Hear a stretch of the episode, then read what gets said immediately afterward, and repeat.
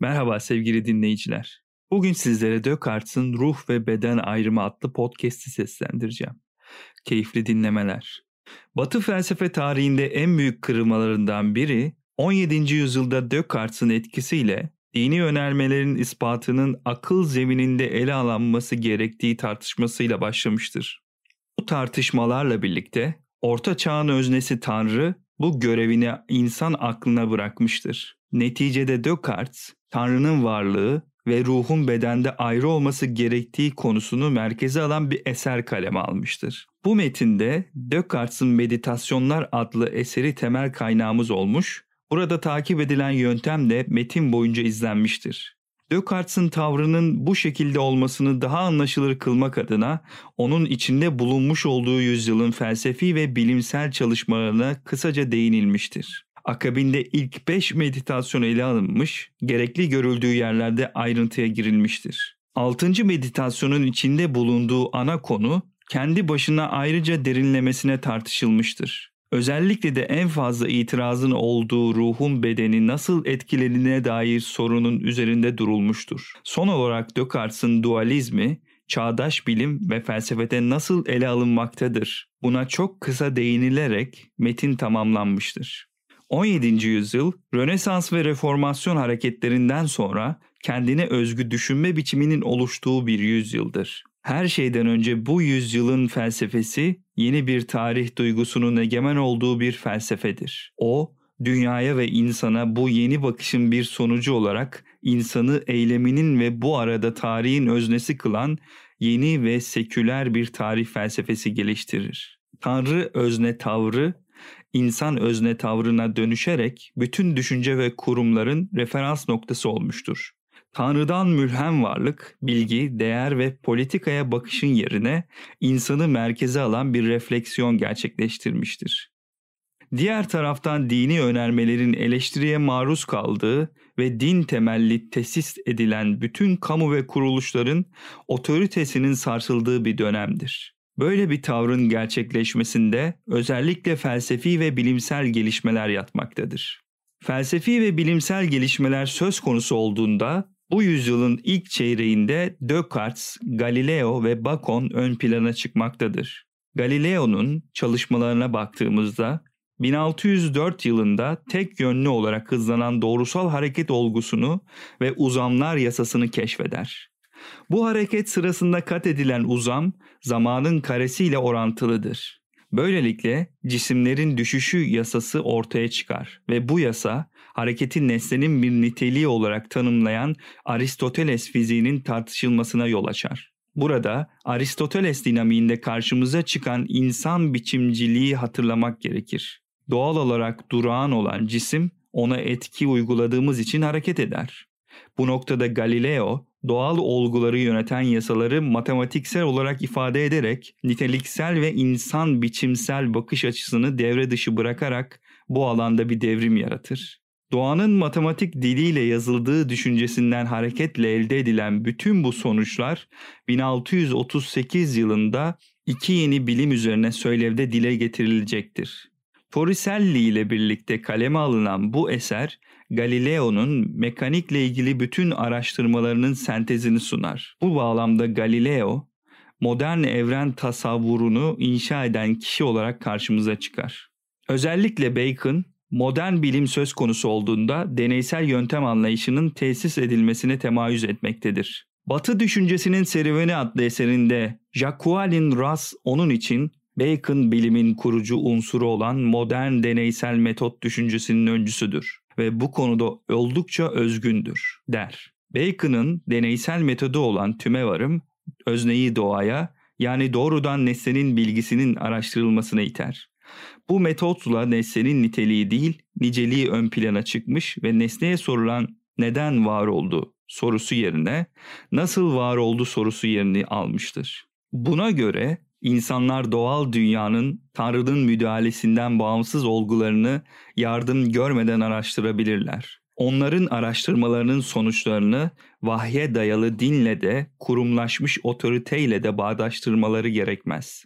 Bu yüzyılın belirli bir düşünme tarzını tesis eden ve özel bir isimle anılmasını sağlayan en büyük filozof Rön Descartes'tir.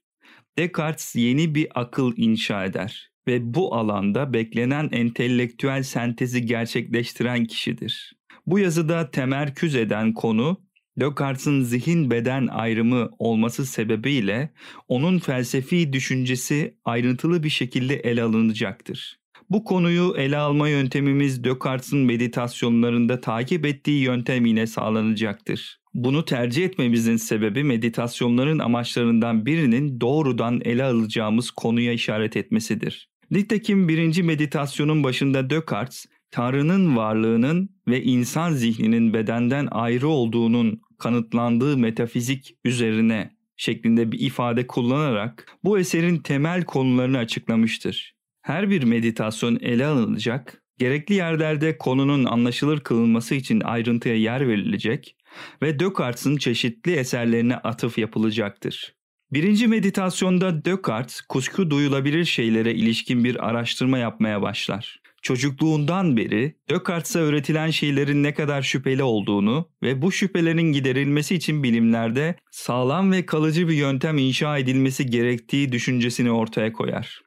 Nitekim Descartes, Felsefenin İlkeleri adlı eserinin ilk maddesinde hakikati arayan için hayatında bir kez olsun her şeyden şüphe etmesi gerektiğini söyler. Böylece ilk olarak bilme vasıtalarına yönelir. Bugüne değin çok doğrudur diye düşündüğüm ne varsa ve kabul ettiğim ne varsa hepsini ya duyularımdan ya da duyularım aracılığıyla edindim.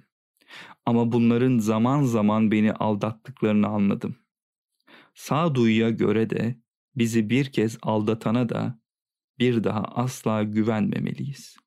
Descartes Sağduyu kavramı Descartes terminolojisinde doğruyu yanlıştan ayırt eden yeti ve bu yeti herkeste eşit bir şekilde dağıtılmıştır. Ayrıca Descartes'ta sağduyu kavramı evrensel bilgeliğe de işaret eder.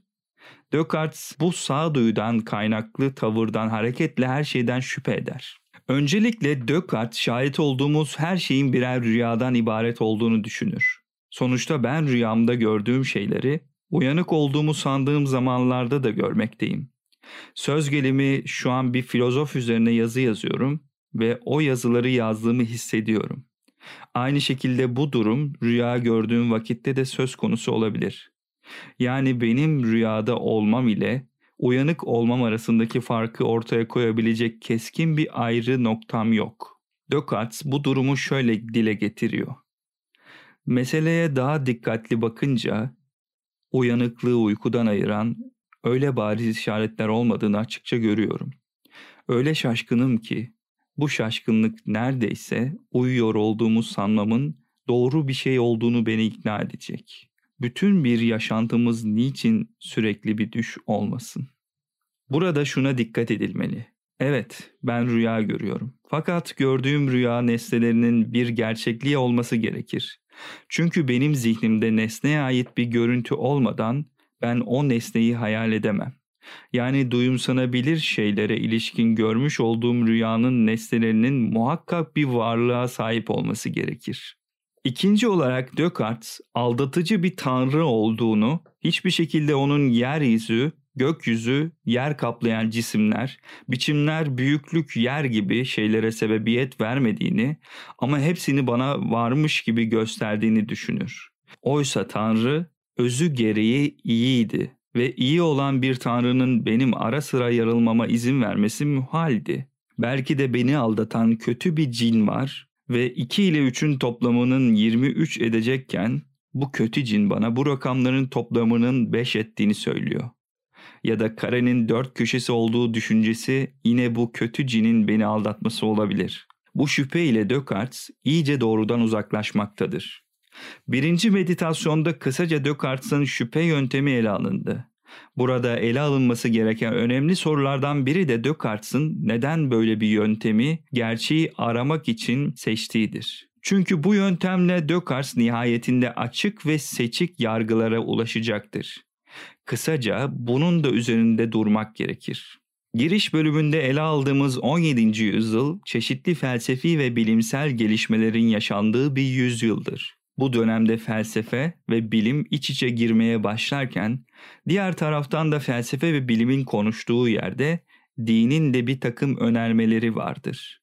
Ancak burada sorun aklın ve deneysel metotun döneme hakim olması ile birlikte dini önermelerin itibarı sarsılmış, insanlar ise neyi bilgi olarak kabul edeceği noktasında şüpheye düşmüştür. Ayrıca daha önceki septik düşüncelerden kaynaklı şüphe, insanların düşünce dünyalarında yer etmeye başlamış, hatta edebi eserlere de yansımıştır. Descartes adı bilinmeyen Jean Schilhon olduğu tahmin edilen kişiye dönemin septik tavrına dair bir mektup yazmıştır. Septiklerin varlığı kesin olan maddi hiçbir şey olduğunu göstermek için öne sürdükleri en güçlü argümanları eline boyuna açıklamam gerekirdi.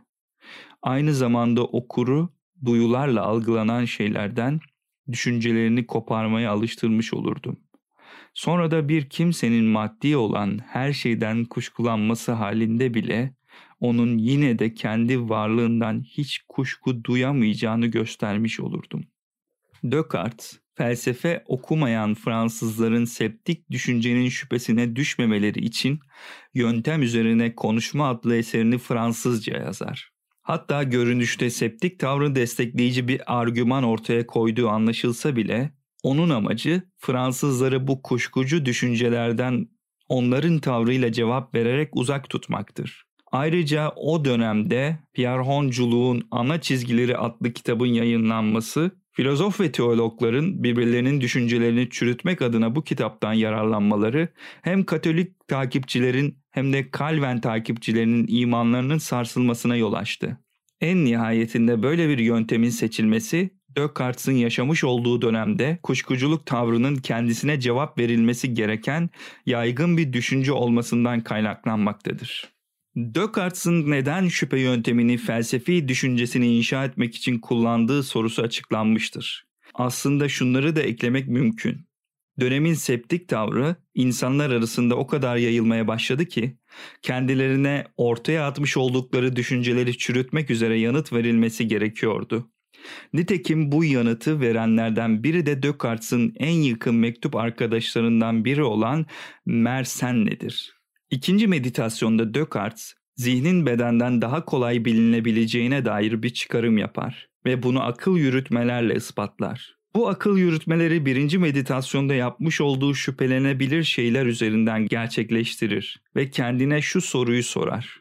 O halde gördüğüm her şeyin sahte olduğunu varsayıyorum yalancı hafızamın sunduğu hiçbir şeyin aslında var olmamış olduğuna ve hiçbir duyumun olmadığına inanıyorum. Cisim, biçim, yer kaplama, hareket ve her yerde birer masal canavarı. Peki hakiki olan ne? Belki de sadece şu. Hiçbir şeyin kesin olmaması. Ama şimdi sıraladıklarım dışında bende en ufak kuşku uyandırmayacak başka bir şeyin olmadığı ne malum. Descartes. Bütün bu var olanlar bir hayal ürünü olabilir. Yahut kötü bir cin tarafından bana öyle gösteriliyor olabilir. Ya da belki de Tanrı beni ara sıra yanıltıyor olabilir. Diğer taraftan saydıklarım hiçbiri var olmayabilir. Ancak ben bir şeyin farkındayım. Ben bir şeylerden kuşku duyuyorum ve bunun bilincindeyim. O zaman aldatıcı istediği kadar aldatsın ben bir şey olduğunu düşünüyorsam o halde her şeyi yeterince ve dikkatlice gözden geçirdikten sonra şu önermeyi yani benim öyleyse varım önermesini ne zaman dile getirsem ya da zihnimden geçirsem bunun zorunlu olarak doğru olduğunu kabul etmeliyim. Ayrıca bir şeyden emin olmak için benim neye ihtiyacım var? Burada olduğu gibi açık ve seçik olarak algıladığım her şeyin doğru olduğunu kabul etmeliyim. Yine Descartes düşünen bir varlık olarak benin varlığını felsefenin ilkelerinin yedinci maddesinde şöyle söylüyor. Kendilerinden en ufak biçimde kuşkulandığımız her şeyi bu şekilde yanlış göreceğimiz gibi aynı zamanda geri de çevirebileceğimizi varsayarken ne tanrı ne gök ne de yerin var olmadığını ve bir bedenimizin de olmadığını kolayca kabul ediyoruz. Ancak aynı biçimde tüm bu şeylerin gerçeğinden kuşkulanırken varsayanlardanız. Çünkü düşünen nesnelerin düşünürken gerçekten var olmadığımı kavramak bize o denli aykırı geliyor ki en şaşılası varsayımlara karşın şu düşünüyorum o halde varım sonucunun doğru olduğuna ve bunun düşüncelerini bir sıra içinde yönlendiren ve yöneten bir kimseye görünen ilk doğru sonuç olduğuna inanmaktan kendimizi alıkoyamıyoruz olarak ele alır. Descartes böyle bir akıl yürütmeyi zihnin bedenden daha kolay bilinebileceği göstermek adına yapmış ve bunu yine aynı meditasyonda bal mumu örneğiyle daha anlaşılır kılmaya çalışmıştır. Bal mumu örneğini kısaca ele almak gerekirse bir bal mumunu erittiğimizde geriye ondan sadece yer kaplaması kalır. Yani duyumsadığımı sandığım renk, koku, his, görü ve ses artık eriyen o bal mumunda yok. Yine de ben bu bal mumundan bahsedebilir miyim? Ya da bal mumunu erittiğimde onun yer kaplaması artar ve tam olarak duyum ile bir bal mumunun varlığını bilemem. Bu şey gibi dışarıda baktığımızda üzerinde elbise giyinmiş birçok insan gördüğünüzü sanırsınız. Oysa insan olduklarını nereden biliyoruz? Belki onlar yürüyen makineler. Ama benim zihnim onların insan oldukları yargısına varır. Bundan mütevellik ben ancak bal mumunu zihnimle açık olarak bilebilirim.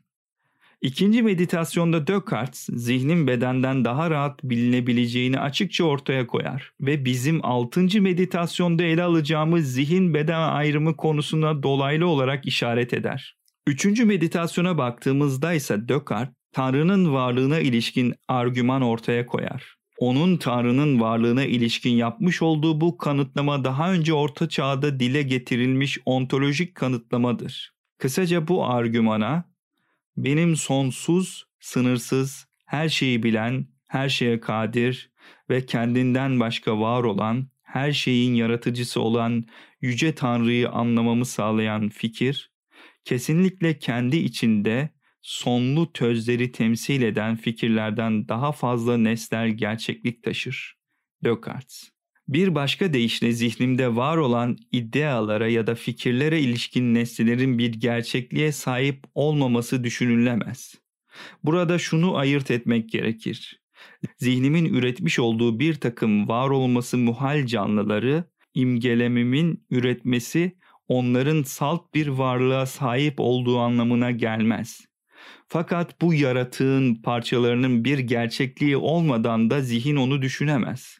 Burada kendi daha az yetkin olan şeyin gerçekliği kendi en mükemmel olan bir varlıktan daha gerçek olamaz. Ya da en mükemmel olan yalnızca düşüncenin bir ürünü olamaz. Bir şeyin hiçlikten çıkması mümkün değildir ve daha yetkin olan şey yani kendi içinde daha fazla gerçekliği olan şey daha az yetkin olandan çıkamaz. Bu çıkarım sadece fiili ya da biçimsel gerçekliğe sahip sonuçlar bakımından değil, aynı zamanda tek, nesnel gerçekliğe sahip oldukları düşünülen fikirler bakımından da tartışılmaz doğrudur. Üçüncü meditasyonda Descartes, Tanrı'nın varlığına ilişkin argüman üretirken daha ayrıntılı bir takım akıl yürütmeler ortaya koyar. Fakat bu metnin temel meselesi bu olmadığından oradaki tartışmanın ayrıntılarına girilmemiştir. Dördüncü meditasyonda önermelere ilişkin doğru ve yanlış yargılarımız tartışılmıştır. Zaten daha önce üçüncü meditasyonda bu doğruluk ve yanlışlık yükleminin yalnızca yargılara has olduğu söylenilmiştir. Burada daha çok doğru ve yanlış yargıların nereden kaynaklandığı ele alınmaya çalışılmıştır herhangi bir önermeye ilişkin yanlış yargının Tanrı'dan mebni olmadığı, insanın doğasında var olan noksanlıktan kaynaklandığı, ayrıca insanın Tanrı'dan aldığı doğruyu ayırt etme yetisinin kendisinde sonsuz olmadığından kaynaklandığı ifade edilmiştir. Ayrıca şu önemli ayrıntı da gözden kaçırılmamalıdır. Descartes'in düşüncesinde yanlış, salt bir olumsuzlama değildir. Daha çok bir şekilde bende olması gereken bir bilginin yokluğu ya da yoksunluğudur. Burada diğer yandan Descartes kavrama yetisi ve irade kavramlarını ayrıntılı şekilde ele alır. Nitekim yanlışların kaynağının sorgulanması sürecinde insanın yapıp etmelerini etkileyen temel olgulardan ikisi de zihnin fonksiyonları olan kavrama ve irade yetisidir. Burada şunu da ayrıca ifade etmek gerekir. Hata yapmayı istememize karşın neden hata yaparız? Çünkü irade ya da istenç alanımızın anlayış ya da kavrama alanından daha geniş olmasından kaynaklanır. Yani anlayışın bilgisi sınırlıdır. Fakat iradenin istenci bir yönden sonsuzdur. Burada konu Descartes'in ele aldığı şekliyle ayrıntılı olarak tartışılmamış, sadece işaret edilmiştir. Bunun sebebi daha önce de söylenildiği gibi yazıda ele alınması gereken konunun daha kompleks hale getirilmemesi içindir. Beşinci meditasyonda maddi şeylerin özü ve yine Tanrı'nın varlığının delilleri konusu ele alınmıştır. Tanrı'nın varlığının burada tekrar ele alınması, maddi şeylerin bilmenin imkanının onun varlığına dayanmasından kaynaklanmaktadır. Bu meditasyonda maddi şeylerin özünün ne olduğuna daha ayrıntılı bakacağız. Nitekim üçüncü meditasyonda Tanrı'nın varlığına ilişkin argümanlar ayrıntılı şekilde açıklanmıştır. Gerekli görüldüğü yerde bu argümanlara atıf yapılacaktır. Descartes burada ilk olarak Tanrı'nın varlığına ilişkin uslamlama ortaya koyar. Bu akıl yürütmeye göre öz ve varoluş meselesi üzerinden yine Tanrı'nın varlığı kanıtlanır. Şöyle ki benim bir dağ hayal etmem doğal olarak da akla vadiyi de getirir. Yani ben dağı vadisiz ya da vadiyi dağsız düşünemem. Ama ben onlar arasındaki bu zorunlu ilişkiden hareketle onların zorunlu olarak var olduğunu söyleyemem. Böyle bir zorunluluk söz konusu değildir. Ancak Tanrı söz konusu olduğunda onun varoluşunu özden ayrı düşünmem onun doğası gereği muhaldir. Dolayısıyla Tanrı vardır. Descartes maddi şeylerin özü ve onların bilinebilmesini Tanrı'nın varlığına bağlı kılmıştır. Buna ilişkin Descartes şöyle der. Başka her şeyin kesinliğinin bu gerçeklik üzerine kurulduğunu o kadar iyi görüyorum ki. Bu olmadan herhangi bir şeyin tam olarak bilinmesi asla mümkün değil. İfadesiyle Tanrı'nın varlığının bilgisinin ancak her şeyin bilgisini mümkün kıldığını göstermektedir. Artık Tanrı'nın bilgisi sağlandıktan sonra açık ve seçik şekilde anladığım şeylerin de doğru olmak zorunda olduğunu anlamış bulunuyorum. Descartes'in daha önceki meditasyonlarında dolaylı olarak işaret etmiş olduğu nesneye ilişkin imgemin zihninde var oluşu, o nesnenin gerçekliğinin en azından bize yer kaplayan derinliği, uzunluğu ve genişliği olan bir olguya götürür. Bir başka deyişle maddi şeyin özünün burada yer kaplama olduğunu söyleyebiliriz. Buraya kadar şu değerlendirmeyi yapmak gerekir. Birinci meditasyonda gerçeği bulmak için her şeyden şüphe etmemiz gerektiği, ikinci meditasyonda bu şüpheden hareketle zihnin doğasının ne olduğu ve zihni tanımanın bedeni tanımaktan daha kolay olduğu, üçüncü meditasyonda Tanrı'nın varlığına ilişkin argümanlar, dördüncü meditasyonda önermeler ilişkin yargılarımız olan doğru ve yanlışın ne olduğu, beşinci meditasyonda ise maddi şeylerin özü ve yine Tanrı'nın varlığına ilişkin kısaca bir takım açıklamalar yapılmıştır. Bunun yapılmasının sebebinin zihin beden ayrımını daha iyi kavramak ve neden Descartes'in böyle bir ayrıma gittiğini görmektir. Altıncı meditasyonda bu metnin ana konusunu oluşturan zihin beden ayrımı ele alındığı için burada çok daha kapsamlı açıklama yapılmaya çalışılacaktır. Yazının bu kısmında yukarıda takip edilen şeklinden biraz daha farklı bir yöntem tercih edilerek Descartes'in neden zihin ve beden olmak üzere iki ayrı tözü tercih ettiğine dair bir değerlendirme yapılacaktır.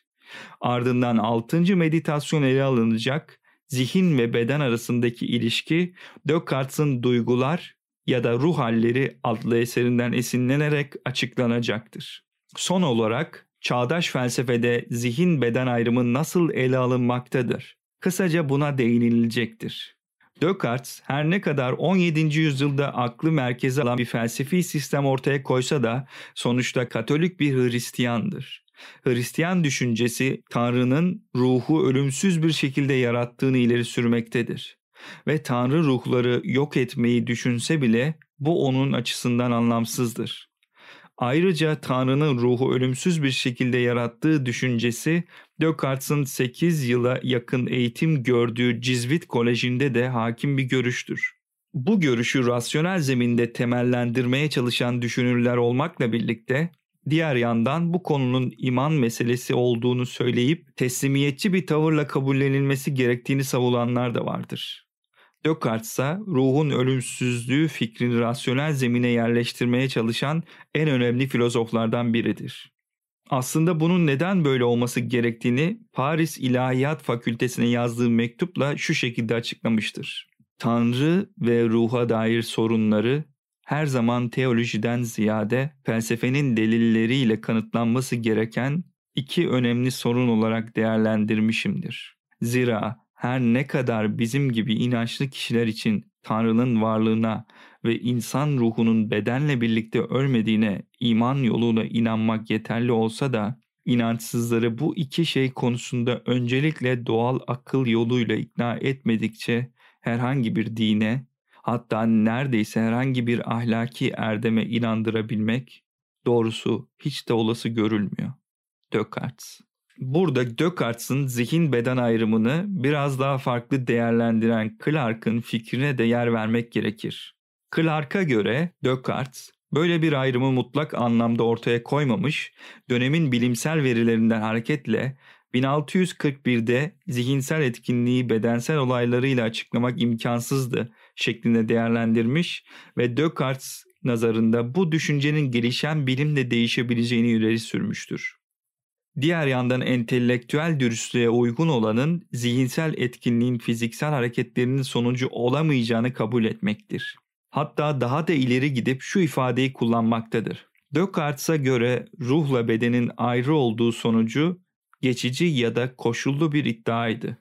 Burada kanaatimiz Clark'ın bu iddiasına katılmamaktan yanadır. Descartes felsefesinde bir şeyi bilmek onu açık ve seçik olarak bilmeyi gerektirir. Açık ve seçik olarak bilmekse nesnenin algısının dikkatli bir zihne kendini sunması ve açması açık olarak bilinebildiğini diğer yandan nesne yalnız açık olarak anlaşıldığı şekliyle diğerlerinden farklı olması seçik olduğunu gösterir. Descartes felsefesinde nesnenin bilgisini tümden gelimsel bir tavra bağlamaktadır. Yani az önce ifade ettiğimiz açıklık ve seçiklik ilkesini temel ilke olarak kabul edip bu ilkeden hareketle bilgi meşru kılınmaktadır. Dolayısıyla orada muğlaklık değil, mutlaklık söz konusudur. Clark'ın iddia ettiği şekliyle zihin beden ayrımı muğlak değil, aksine mutlaktır ve Hristiyan teolojisine de uygundur.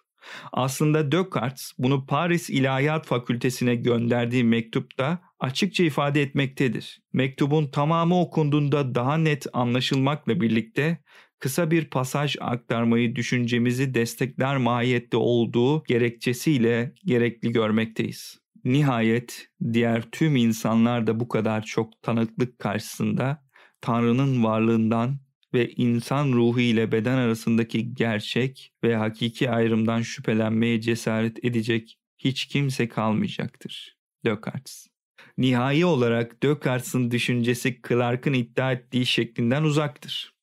Takip ettiğimiz yol üzere bu çalışmanın ele almaya çalıştığı 6. meditasyonda söz konusu olan maddi şeylerin varoluşu ve zihin ile beden arasındaki gerçek ayrım ele alınacaktır. Descartes ilk olarak salt anlama ile hayal etme yetisi arasında ayrım olduğunu, bu ayrımı iki farklı matematik nesne üzerinden göstermektedir.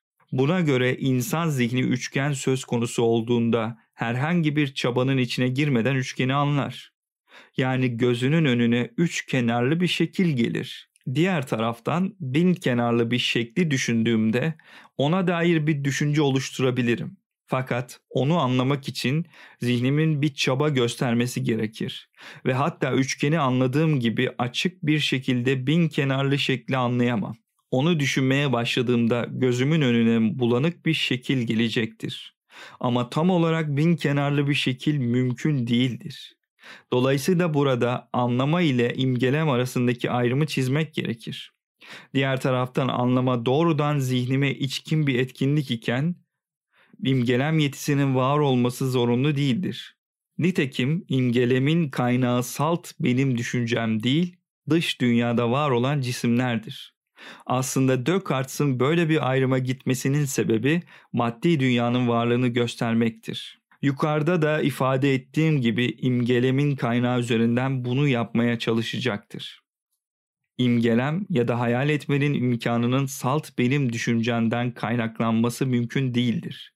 Böyle bir şeyin olabilmesi için zihnim nesnelerin ideasına ya da fikrine ihtiyaç duyacaktır. Ayrıca hayal etmenin sağlanması için en başta duyumsama gerekir. Duyumsama dediğimiz şey benim irademden bağımsız, bende kendi fikrini zorunlu olarak oluşturmaktadır. Ben nesneye maruz kaldığımda duyumsama gibi bir tercihi seçemiyorum. Ya da herhangi bir duyumsama gerçekleşmediği takdirde ben nesneye ilişkin bir şey algılayamam. Buradan duyumsadığımız şeylere ait fikirlerin bana ait olmadığını dolayısıyla ben dışında başka bir şeyden kaynaklandığını çıkarsarım. Peki bu ben dışında var olan şey nedir? İmgelen ve duyumsama yetileri insan zihninin bir fonksiyonudur. Ancak onlar var olmadan da anlayabilirim. Fakat düşünen ben olmadan onlar anlaşılamazlardır. Dolayısıyla bu iki edim bir nesnenin ilineklerinin o nesneden ayrı olduğu gibi benden ayrıdır. Bir takım başka yetiler de vardır. Yer değiştirme ve şekil değiştirme yetisi gibi. Descartes bu iki yeti için şöyle açıklama yapar. Bu yetilerin tıpkı önceki yetiler gibi içkin oldukları bir töz olmadan anlaşılmayacaklarını, dolayısıyla onsuz olamayacaklarını da görüyorum. Ama şu da açıktır ki eğer bu yetiler gerçekten varsa cismi olan ya da yer kaplayan bir tözde içkin olmalılar. Düşünen bir tözde değil.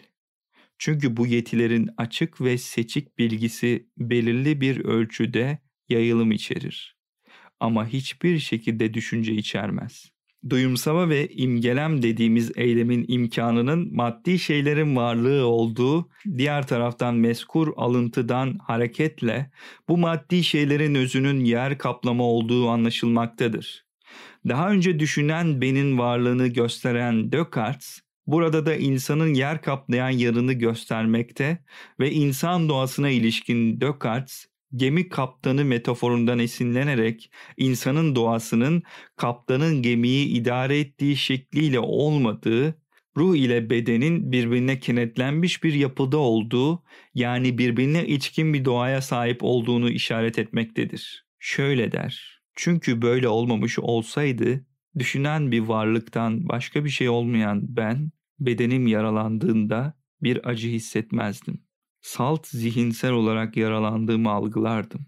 Tıpkı bir denizcinin gemisindeki herhangi bir hasarı gözüyle görerek algılaması gibi. Benzer şekilde bedenim yemek ya da içmek istediğinde ben bunu açlık ve susuzluk hislerimi hiç birbirine karıştırmadan bariz şekilde anlardım. Çünkü ne de olsa bu açlık, susuzluk, acı ve benzeri hisler zihnin bedenle birleşmesinden yani kaynaşmasından doğan bir takım bulanık düşünme biçimlerinden başka bir şey değil. Buraya kadar maddi şeylerin var olduğu, özlerinin düşünce olduğu ve ruh ile bedenin insan doğasında birbirine içkin olduğu gösterilmiştir.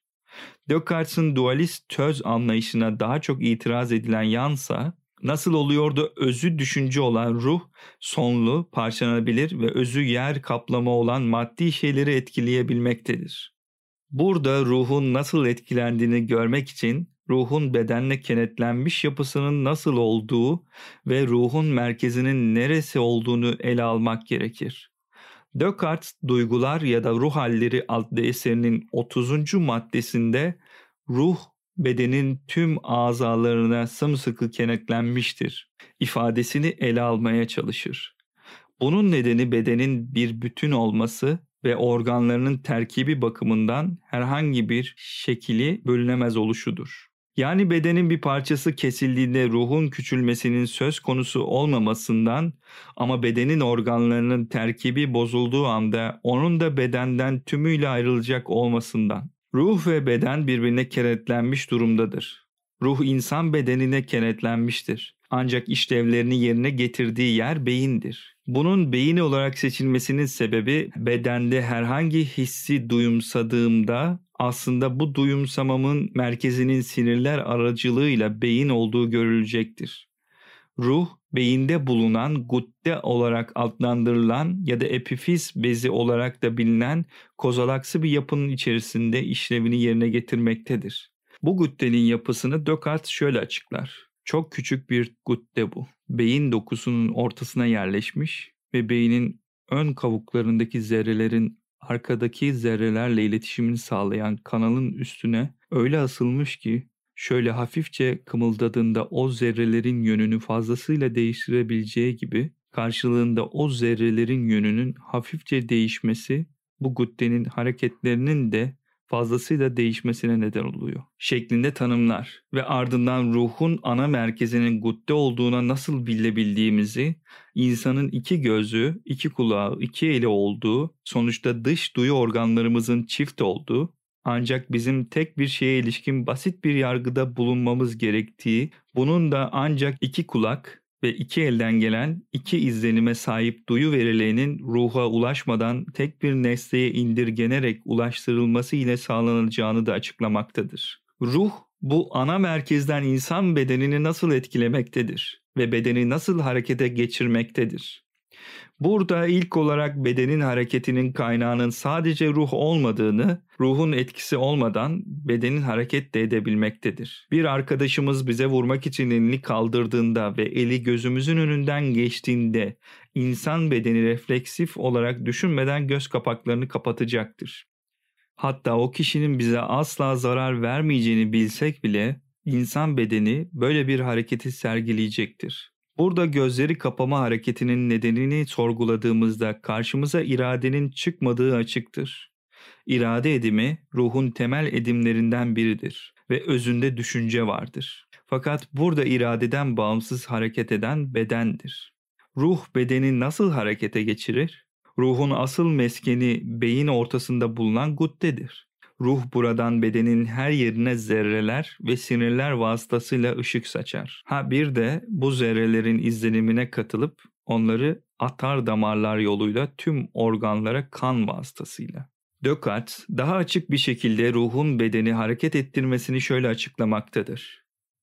İncecik, sinir tellerimiz bedenin tek tek her yerine öyle bir yayılmıştır ki duyular, nesneler oralarda ne zaman farklı farklı hareketlere yol açsalar, onlar da beyin gözeneklerini farklı farklı açarlar ve böylece beynin kovuklarında bulunan hareket ettirici zerrelerin değişik şekillerde kaslara girmesine neden olurlar. Bu sayede de uzuvlar da hareket edebilecekleri her şekilde hareket edebilirler. Dahası zerreleri değişik şekillerde hareket ettirebilecek her türlü neden onları bu şekilde çeşitli kaslara götürmeye yeter. Bir başka deyişle herhangi bir uzvumuzu harekete geçirmeyi düşündüğümüzde ruh canlı zerreciklerini o uzvun kaslarına gönderir ve o kasın harekete geçirilmesini sağlar. Söz gelimi parmaklarımı farklı farklı harflere karşılık gelen tuşlara basmak için ruh guddede bulunan canlı zerreciklerini parmaklarıma göndererek onların harekete geçmesine sebep olur. Ayrıca burada iradeli bir eylem de gözlenmektedir. Duygular ya da ruh halleri adlı eserde bizim burada göstermeye çalıştığımızdan çok daha ayrıntılı bir şekilde ruh beden ilişkisi ele alınmıştır.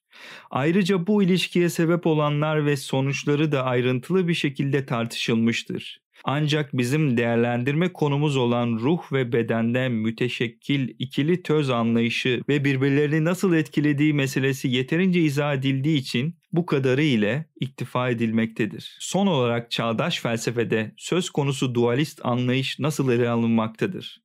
Bu meseleye kısaca Yale Üniversitesi profesörü Paul Bloom'un açık ders notlarından ve TÜBİTAK'ın E-dergisinde İnci Ayhan'ın makalesinden esinlenerek anlaşılır kılınmaya çalışılacaktır. Paul dersin giriş kısmında Descartes'in dualist anlayışının ne olduğunu anlatır.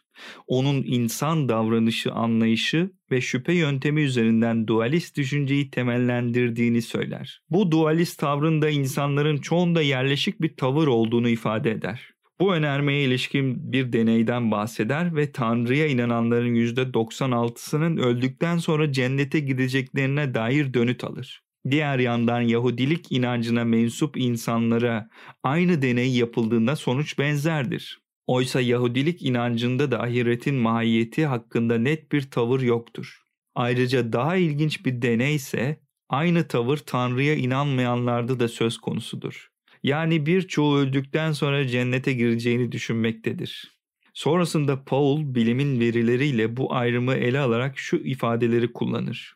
Bilimin bu konudaki ortak görüşü dualizmin yanlış olduğudur. Bedeninizden ayrı olan ya da ayrılabilen bir sen yoktur. Özellikle de beyinden ayrı bir sen yoktur. Ya da bilişsel bilimcilerin, psikologların ve sinir bilimcilerin dediği gibi zihin beynin yaptığıdır. Yaptığı hesaplamalar bilgisayarın işleyişini nasıl yansıtıyorsa zihin de beynin işleyişini yansıtır. Yani bilinç, duygular, seçimler ve ahlak da dahil bütün zihinsel yaşamın beyin aktivitesinin ürünü olduğuna dair bilimsel bir görüş birliği vardır. Yani insan edimlerinin kaynağı zihinde bir takım kimyasal tepkimelerden oluşan uyarımlar sonucunda insan eylemi kompleks belirlenmişlik içerisinde gerçekleşir. Özgürlük bir yanılsamadır. Paul'un yapmış olduğu bu açık seçik dersin başında Harikalar Diyarındaki Alice'den yaptığı alıntı sen bir sinir hücresi sürüsünden başka bir şey değilsin ifadesi olayı daha anlaşılır kılmaktadır. Paul bu derste ayrıntılı bir şekilde beynin işlevini ve sinir hücrelerinin nasıl iş gördüğüne dair ayrıntılı bilgi vermektedir. Bizim konumuz açısından ayrıntıya girilmeyecektir. Ancak dersin sonunda ifade ettiği şu şekildedir. Bu gerilimle birlikte üç seçenek vardır. Bilimin zihne dair görüşlerini reddetmeyi seçebilirsiniz. Çoğu insan bunu yapar.